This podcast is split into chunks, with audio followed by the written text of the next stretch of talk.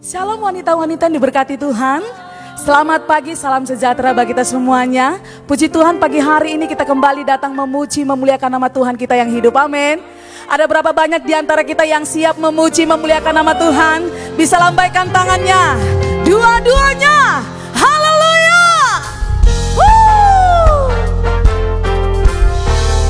Terpujilah Yesus Tuhan. Kemuliaan hanya bagi namamu Yesus. Pagi hari ini kami mau datang lebih dahsyat lagi memuji Engkau.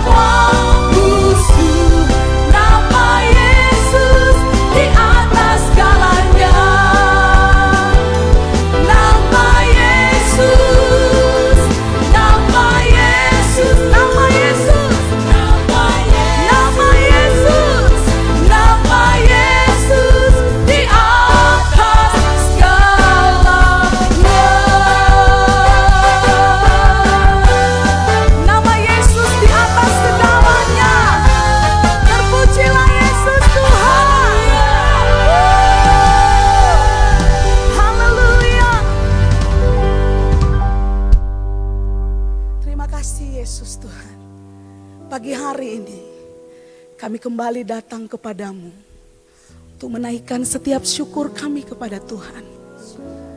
Terima kasih. Satu kesempatan bagi kami untuk bisa memuliakan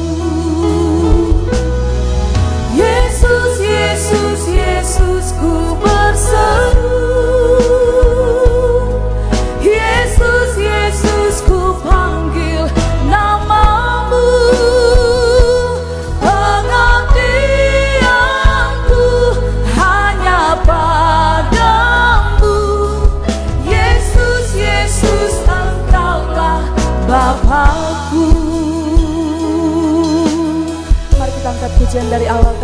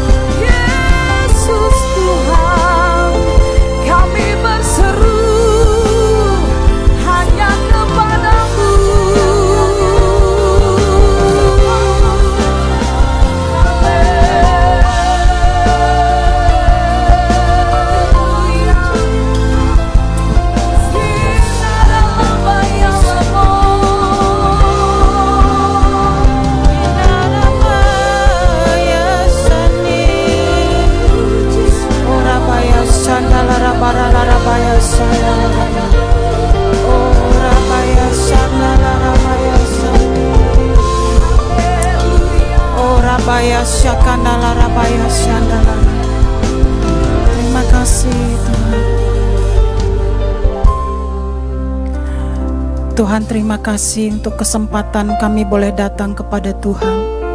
Dan di dalam hadiratmu yang kudus kami diubahkan Kami disegarkan dan kami dikuatkan. Hamba berdoa di dalam nama Tuhan Yesus. Engkau Tuhan yang mengurapi setiap kami Seluruh umatmu kaum wanita yang menyaksikan ibadah WBI Hamba berdoa di dalam nama Tuhan Yesus. Biarlah kami mengalami perjumpaan dengan Tuhan Tuhan senantiasa mengubahkan kami ketika kami datang mendekat kepadamu. Di dalam hadiratmu yang kudus Membawa ucapan syukur kepada Tuhan Dengan hati yang dipenuhi dengan sukacita. Tuhan terima kasih.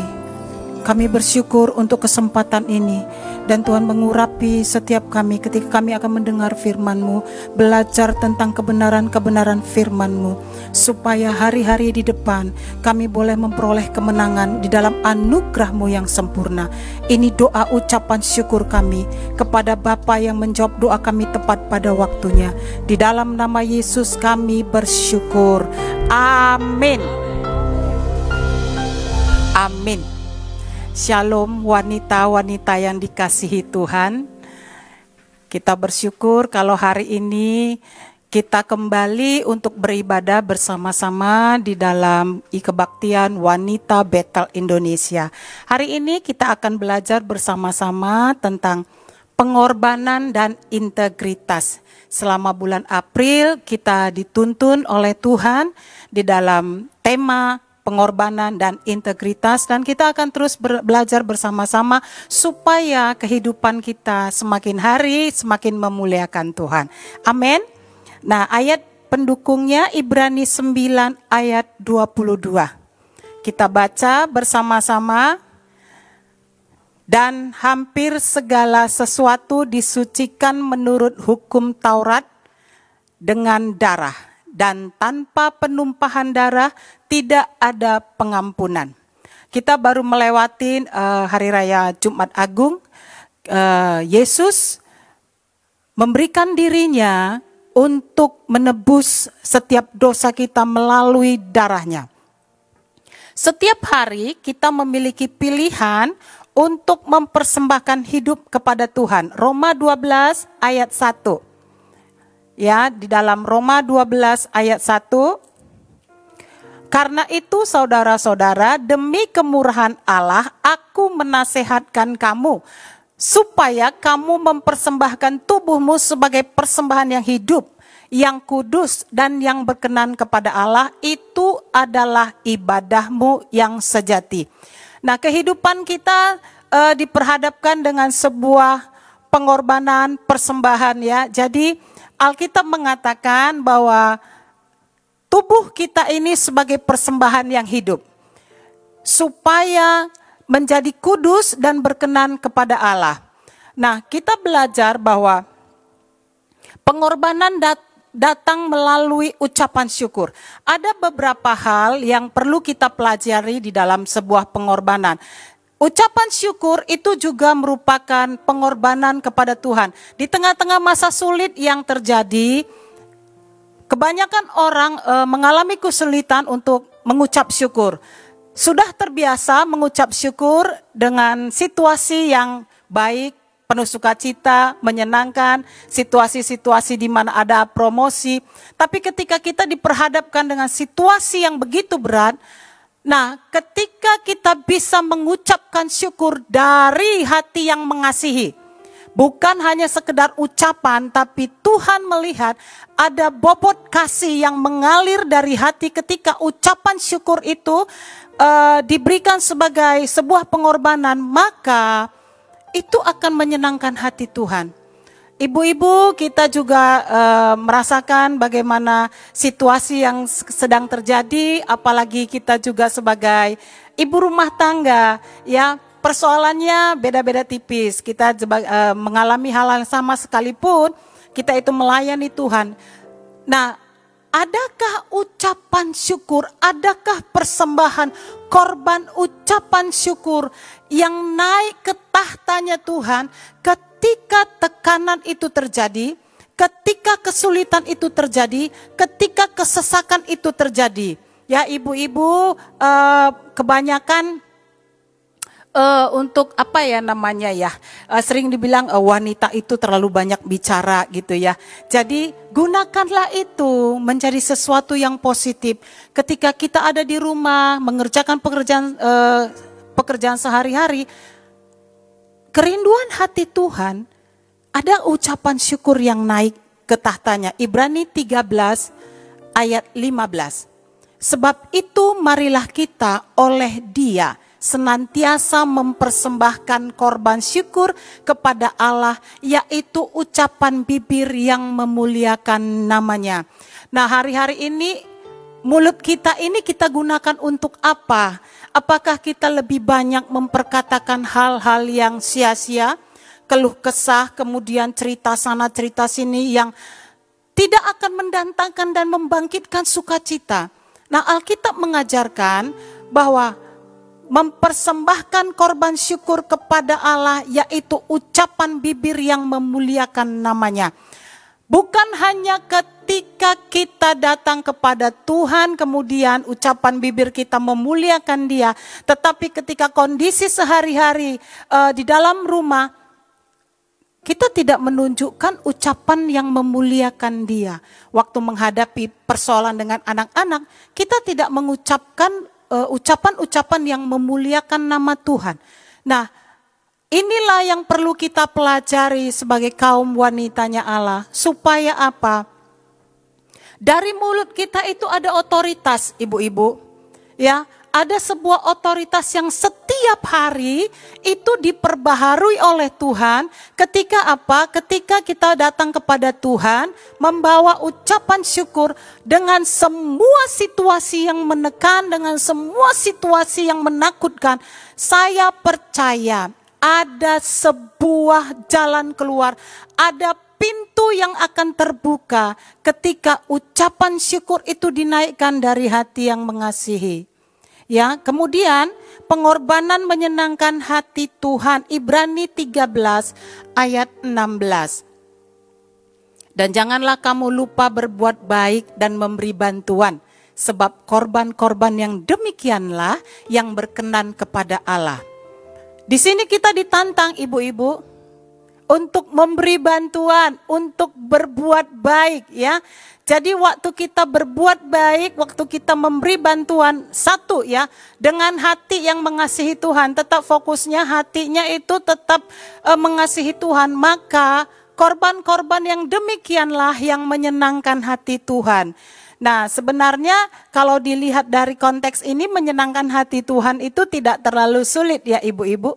Ya dengan berbuat baik, memberi bantuan, memberi bantuan di dalam hal waktu, di dalam hal tenaga, eh, apa yang kita bisa lakukan di lingkungan kita untuk bisa berbuat baik dan mereka memuliakan nama Bapa, saya percaya itu menjadi persembahan yang berkenan kepada Allah.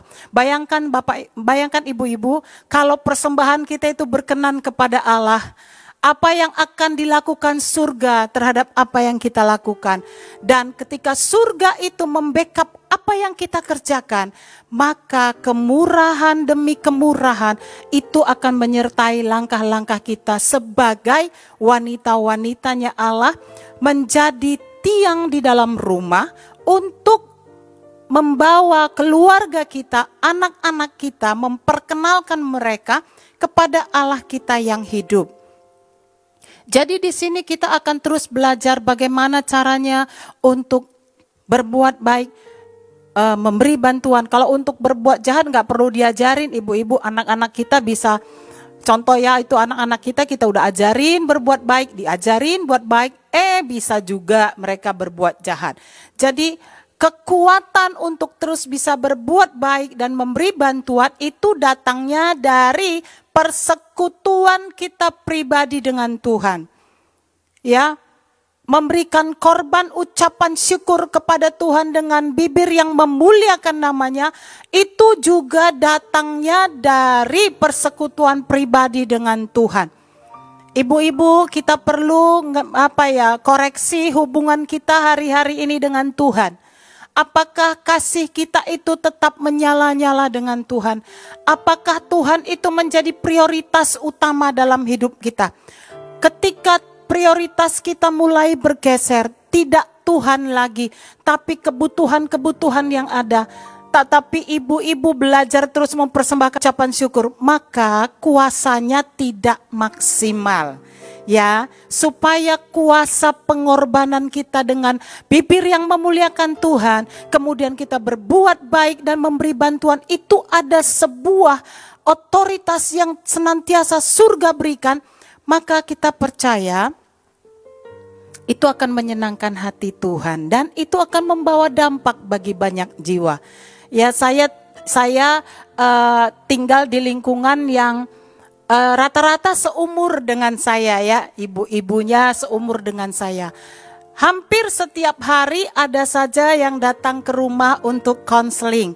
Ya, begitu beratnya masalah hari-hari ini, begitu beratnya tekanan-tekanan yang dialami. Nah, ketika kita berbuat baik, memberi bantuan waktu, tenaga ya, seperti itu. Dan mereka pulang ke rumahnya dengan hati yang lega. Karena apa? Karena dengan dengan pembicaraan yang sederhana mereka mengalami Tuhan. Ya, jadi mari ibu-ibu gunakan waktu yang ada uh, sedapat-dapatnya untuk kita memberi ya, memberikan berbuat baik dengan dengan murah ya, uh, apa namanya tidak tahan-tahan kebaikannya ya.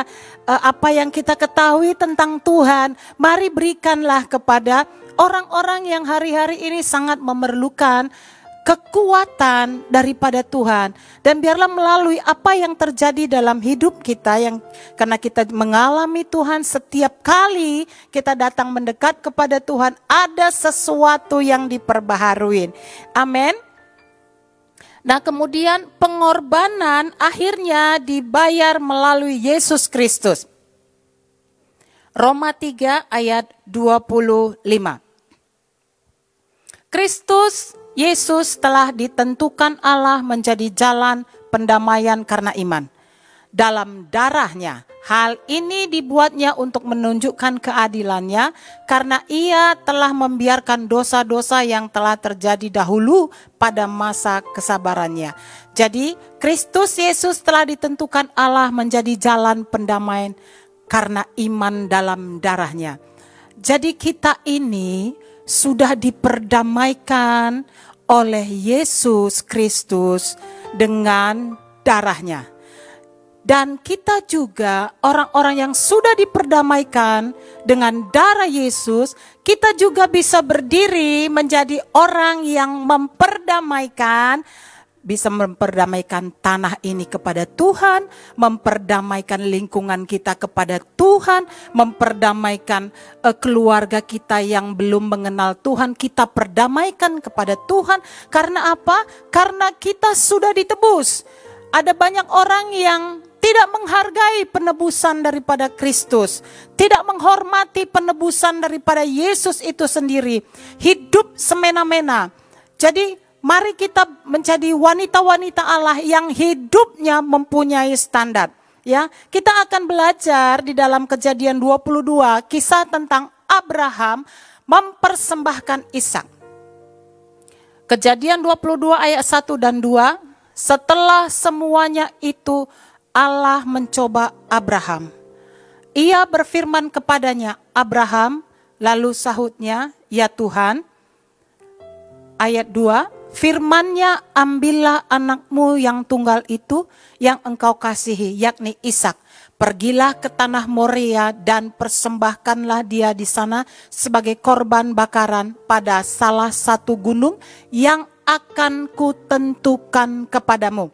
Nah, di sini Abraham sebagai seorang yang mengenal Tuhan, ketika dia mendengar perintah dari Tuhan untuk mempersembahkan anaknya, anak perjanjian itu ke atas gunung sebagai korban persembahan kepada Tuhan, Abraham tidak berbantah.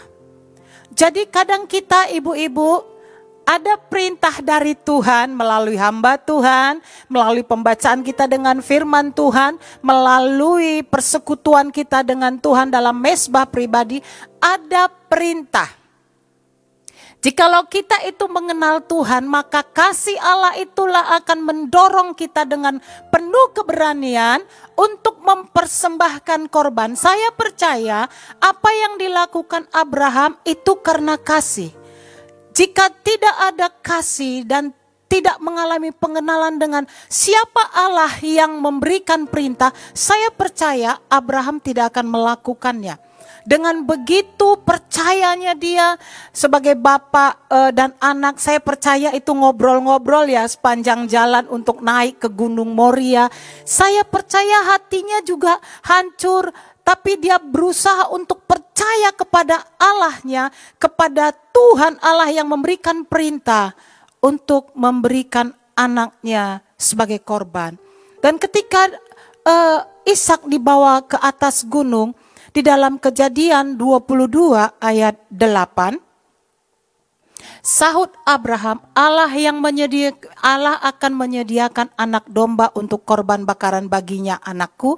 Demikianlah keduanya berjalan bersama-sama. Ini ketika Ishak bertanya kepada bapaknya, mana korbannya? Ini kita ada kayu, ada api, kok korbannya nggak ada, dombanya nggak ada. Dengan percayanya Abraham, Allah yang akan menyediakan anak domba untuk korban bakaran baginya. Kita ini sebagai orang tua, didikan apa yang kita ajarkan kepada anak-anak kita itu menentukan pertumbuhan iman pengenalan mereka kepada Tuhan. Sebagai orang tua, sebagai seorang ibu, saya menjadi uh, apa ya namanya ya pemantau ya kalau di rumah saya pantau apa yang anak-anak kerjakan, baik itu pembacaan Alkitab saat teduh doa, baik itu sekolahnya, pelajaran sekolahnya, baik itu teman-teman dia bermain, baik itu juga main gamenya itu. Ya, game online-nya itu. Saya tetap pantau. Saya tidak pernah tidak terlibat di dalamnya. Supaya apa? Ketika anak-anak mengalami masalah, ketika ada benturan-benturan yang dihadapi di sekolah, di teman-teman seusianya mungkin itu di uh, uh, pergaulannya, mungkin itu di pelayanannya, Orang pertama yang dia cari adalah ibunya, ya. Dia nggak sibuk cari sana sini konseling ke mana-mana, tapi atau ke sahabat terdekatnya, tapi menjadikan kita sebagai ibu adalah tempat orang pertama menjadi tempat pengaduan dan tempat curhatnya anak-anak kita. Karena anak-anak itu akan mendapatkan teladan di dalam rumah. Dia tidak akan mendapatkan teladan yang baik di luar sana ada, tapi baiknya itu di rumah ya ibu-ibu ya. Di rumah. Jadi dengan kesibukan di rumah, pekerjaan rumah yang tidak selesai-selesai ya, dari pagi sampai pagi, itu itu aja, itu itu aja. Apakah kita punya waktu ya? Apakah kita punya waktu menjadi mentor buat anak-anak itu sendiri? Saya dengan anak saya yang paling besar itu seperti teman. Orang bilang kalau kami boncengan naik motor itu mereka bilang kayak orang pacaran. Karena begitu dekatnya gitu ya. Kadang dia bilang mama yang bawa aku yang dibonceng. Ya sudah dia peluk mamanya. Sampai saya kadang-kadang bercanda kamu nggak malu peluk mama naik motor. Mama yang bawa kamu yang di belakang dia bilang ngapain malu kan mamaku. Jadi ketika saya senang ya mendengarnya ya. Karena ada banyak anak-anak pria ya anak-anak lajang gitu ya di luar sana. Mungkin dengan mamanya itu juga nggak dekat dengan papanya juga nggak dekat. Jadi kami suami istri punya porsi sendiri-sendiri di dalam uh, mengajar anak-anak tentang kehidupan tentang pengenalan akan Tuhan. Nah kenapa di sini Ishak tidak komplain ketika bapaknya bilang yang akan menyediakan anak domba untuk korban bakaran baginya. Bisa aja Ishak bilang gini, terus di mana? Terus kok nggak ada? Terus kok cuman kita dua? Terus nanti gimana? Dia nggak komplain. Kenapa? Dia kenal bapaknya, ya. Anak-anak mengenal bapaknya. Kemudian bagaimana dengan situasi rumah kita? Apakah anak-anak kita kenal dengan bapaknya? Anak-anak kita kenal dengan ibunya atau hanya sekedar oh ini wajahnya. Oh itu wajah papaku seperti ini.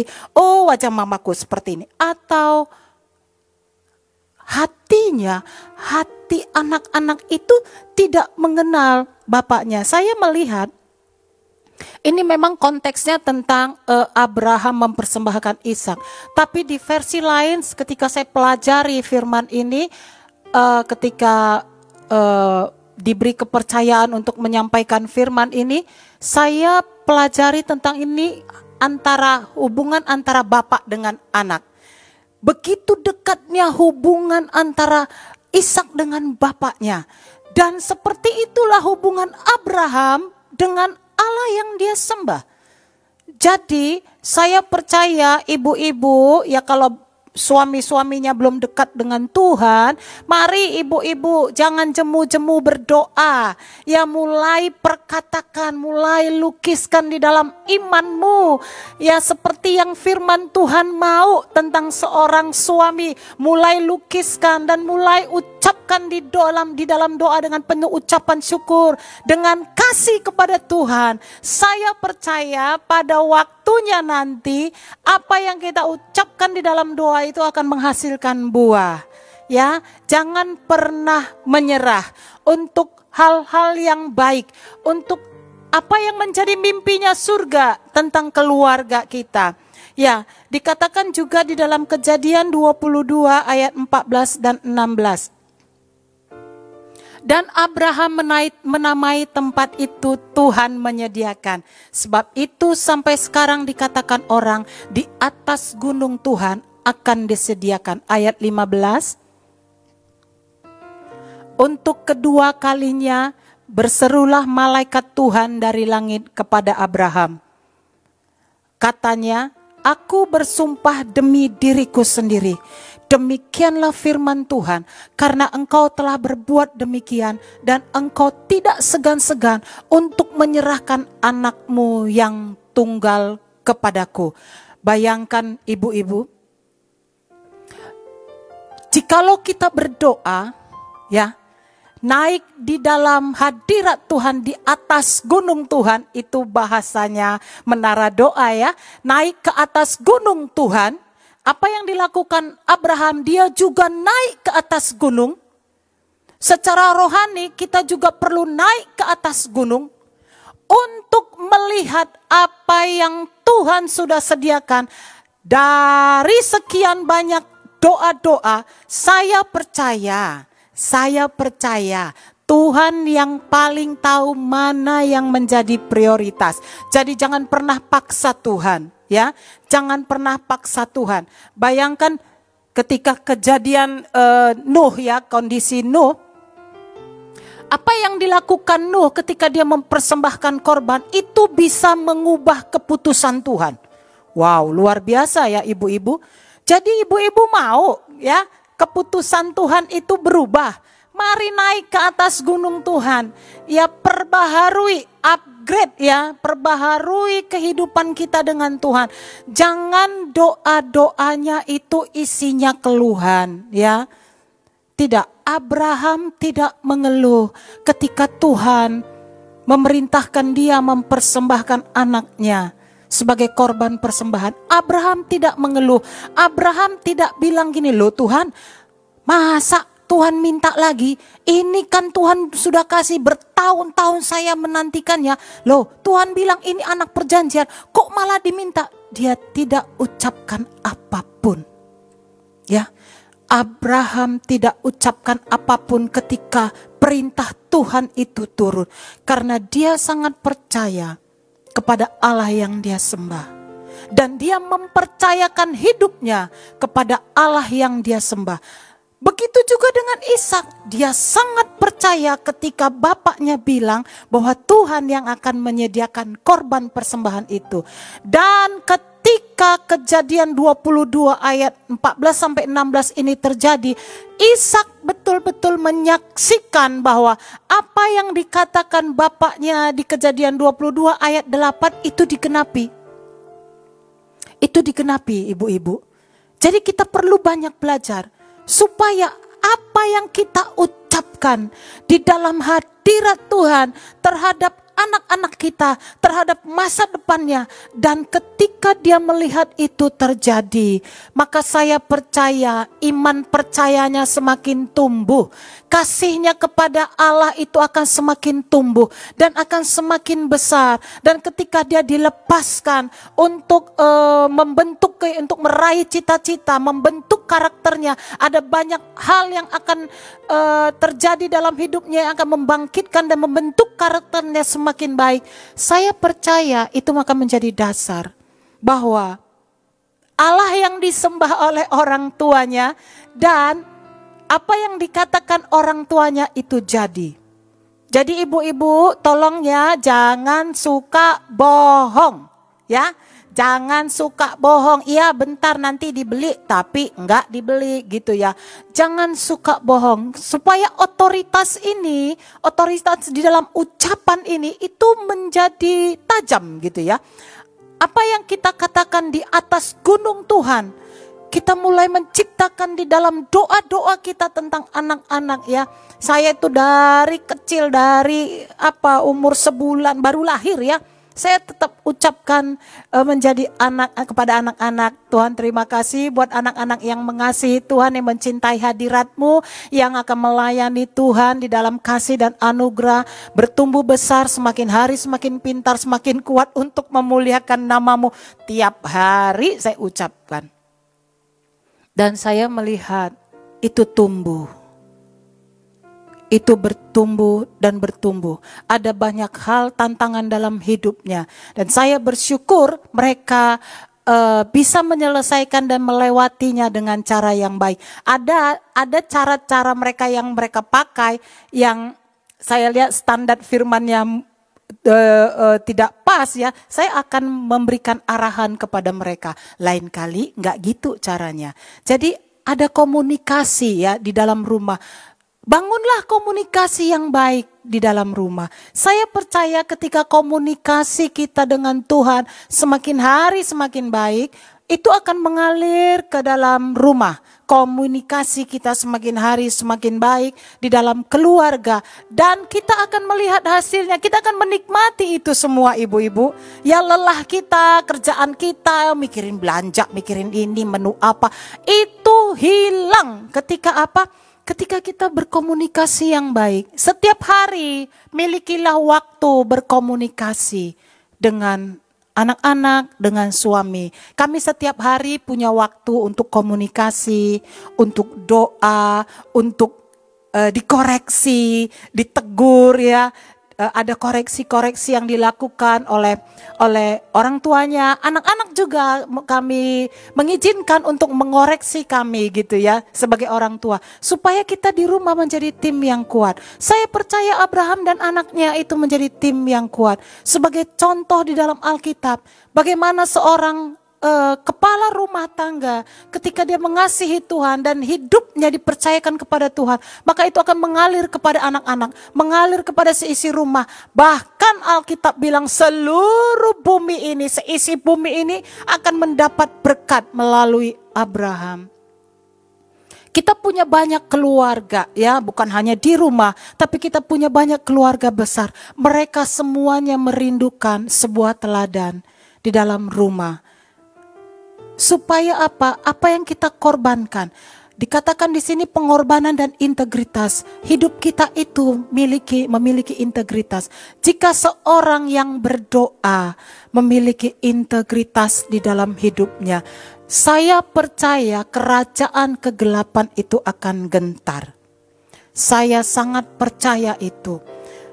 Bukan tidak pernah kita jatuh, tapi ketika kita jatuh, kita bangkit kembali untuk berdiri tegak di dalam kebenaran firman Tuhan, supaya dunia tahu bahwa Allah yang kita sembah itu sanggup memulihkan kita. Amin. Jadi ibu-ibu kalau bersalah di dalam perkataan, di dalam keputusan, setiap hari kita punya waktu untuk memperbaikinya di atas mesbah Tuhan. Kita bawa korban ucapan syukur, kita bawa itu ke hadapan Tuhan dengan hati yang mengasihi Tuhan. Jadi sujud menyembah kepada Bapa. Datang sujud menyembah kepada Bapa di atas gunungnya yang kudus dan bangkit berdiri di dalam otoritasnya untuk menghancurkan setiap rancangan kerajaan kegelapan.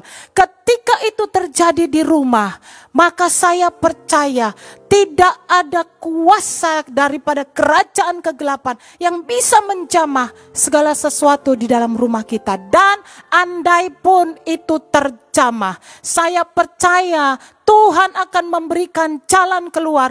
Tuhan akan memberikan hikmat kepada kita, kepada orang-orang yang mengasihinya untuk terus berdiri tegak. Saya sangat percaya itu karena hari-hari ini ibu-ibu dibutuhkan wanita-wanita yang kuat di dalam roh, bukan hanya di dalam tenaga yang bisa mengerjakan semuanya dengan cekatan gitu ya. Kerjakan semua pekerjaan rumah tangga wah dari pagi ya terus dari bangun pagi. Bukan hanya itu gitu ya, tapi memiliki roh yang kuat karena kita yang sering berinteraksi dengan anak-anak, supaya dia menang dengan tekanan di masanya, dalam areanya gitu ya, menghadapi keluar sana. Anak-anak kita menjadi anak-anak pemenang ya, supaya iman percaya kita bisa diteladani oleh anak-anak kita. Nah, Yesus sudah memberikan teladan. Ayat terakhir, Yohanes 3 ayat 16 saya undang pemusik. Yohanes 3 ayat 16, karena begitu besar kasih Allah akan dunia ini, sehingga ia telah marum mengaruniakan anaknya yang tunggal, supaya setiap orang yang percaya kepadanya tidak binasa, melainkan beroleh hidup yang kekal. Amin. Ini menjadi target surga. Nah, ketika ayat ini menjadi target surga, apakah ini juga akan menjadi target kita di dalam kehidupan kita? Di dalam menjalani hari-hari di depan, apakah kita punya target yang sama dengan apa yang surga sudah katakan, apa yang surga sudah lakukan? Mari, ibu-ibu, kita bersama datang kepada Tuhan.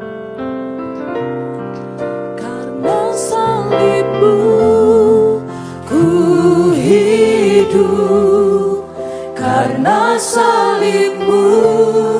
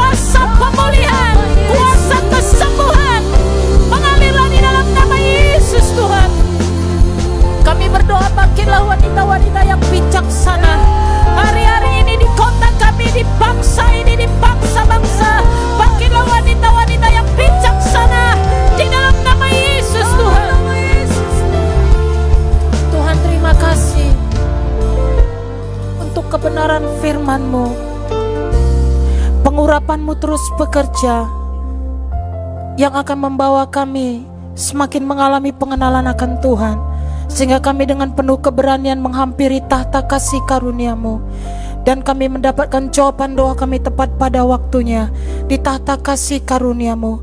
Kami berdoa dalam nama Tuhan Yesus. Kami berdoa untuk pemimpin-pemimpin rohani kami. Kami berdoa untuk gembala sidang kami Bapak Daniel Edi Prayitno dan keluarga kami berdoa amanlah dalam perlindunganmu. Kami berdoa untuk Bapak rohani kami Bapak Bambang Jonan dan Ibu Santi. Tuhan terima kasih. Pegang terus tangan hambamu untuk boleh terus berjalan. Berjalan memasuki hari-hari di mana Tuhan akan mempercayakan visimu yang lebih lagi. Tuhan terima kasih untuk pembina rohani kami Bapak Niko. Tuhan terima kasih untuk setiap hamba-hambamu gembala-gembala cabang yang terlibat di dalam wadah ini. Kami bersyukur ya Tuhan. Terima kasih Tuhan, terima kasih untuk setiap hal yang Tuhan percayakan. Untuk pemimpin-pemimpin negeri kami, kami berdoa di dalam nama Tuhan Yesus. Bapak Presiden kami dan wakil kami berdoa. Kuatkan dan teguhkanlah hati hambamu ini ya Tuhan. Untuk boleh membawa negeri ini mengalami pengenalan akan Tuhan. Kami berdoa untuk gubernur kami, wali kota di dalam nama Tuhan Yesus. Oh Rabaya Sanda hikmatmu terus senantiasa menyertai hambamu ini. Tuhan terima kasih. Biarlah kota kami menjadi kota kegirangan. Kota kami penduduknya mengalami Tuhan. Pintu-pintu gerbangnya disebut selamat. Di dalam nama Yesus ada puji-pujian yang terus naik dari kota kami. Di dalam nama Yesus Tuhan. Tuhan kami bersyukur untuk seluruh umatmu Untuk seluruh jemaatmu yang digembalakan di keluarga besar GPI Medan Plaza. Kami berdoa untuk umatmu di dalam nama Tuhan Yesus. Apa saja yang dikerjakan oleh umatmu Tuhanlah yang menjadikannya berhasil. Kami percaya Tuhan menyediakan benih bagi setiap kami Untuk kami boleh tabur. Ketika kami ada di atas gunung kudusmu Kami akan melihat Tuhan menyediakannya. Dan itu terjadi atas seluruh umatmu. Kami bersyukur bersyukur di dalam nama Yesus. Terima kasih untuk persembahan persepuluhan. Terima kasih untuk persembahan diakonia. Terima kasih untuk persembahan misi. Kami bersyukur di dalam nama Tuhan Yesus. Persembahan pembangunan ucapan syukur. Kami berdoa di dalam nama Yesus. Kami berdoa di dalam nama Yesus. Mengalami kasih karuniamu yang limpah di dalam nama Yesus Tuhan. Terima kasih untuk waktu ini Tuhan. Dan kami dari tempat ini memberkati kota kudusmu. Salam Yerusalem. Diberkatilah kota kudusmu Yerusalem dengan damai sejahtera. Dengan sentosa. Dalam nama Tuhan Yesus dan kami mengucap syukur ketika kami akan mengakhiri ibadah ini. Tuhan terima kasih. Terima kasih dan kami akan menerima berkat daripada Bapa. Terima kasih Tuhan kasih karunia daripada Tuhan Yesus Kristus dan anugerah yang sempurna daripada Bapa di surga. Itulah yang menyertai setiap kami. Mulai saat ini sampai Maranatha, Tuhan Yesus menjemput setiap kami di dalam nama Tuhan Yesus. Di dalam nama Tuhan Yesus bersama-sama katakan amin. Amin.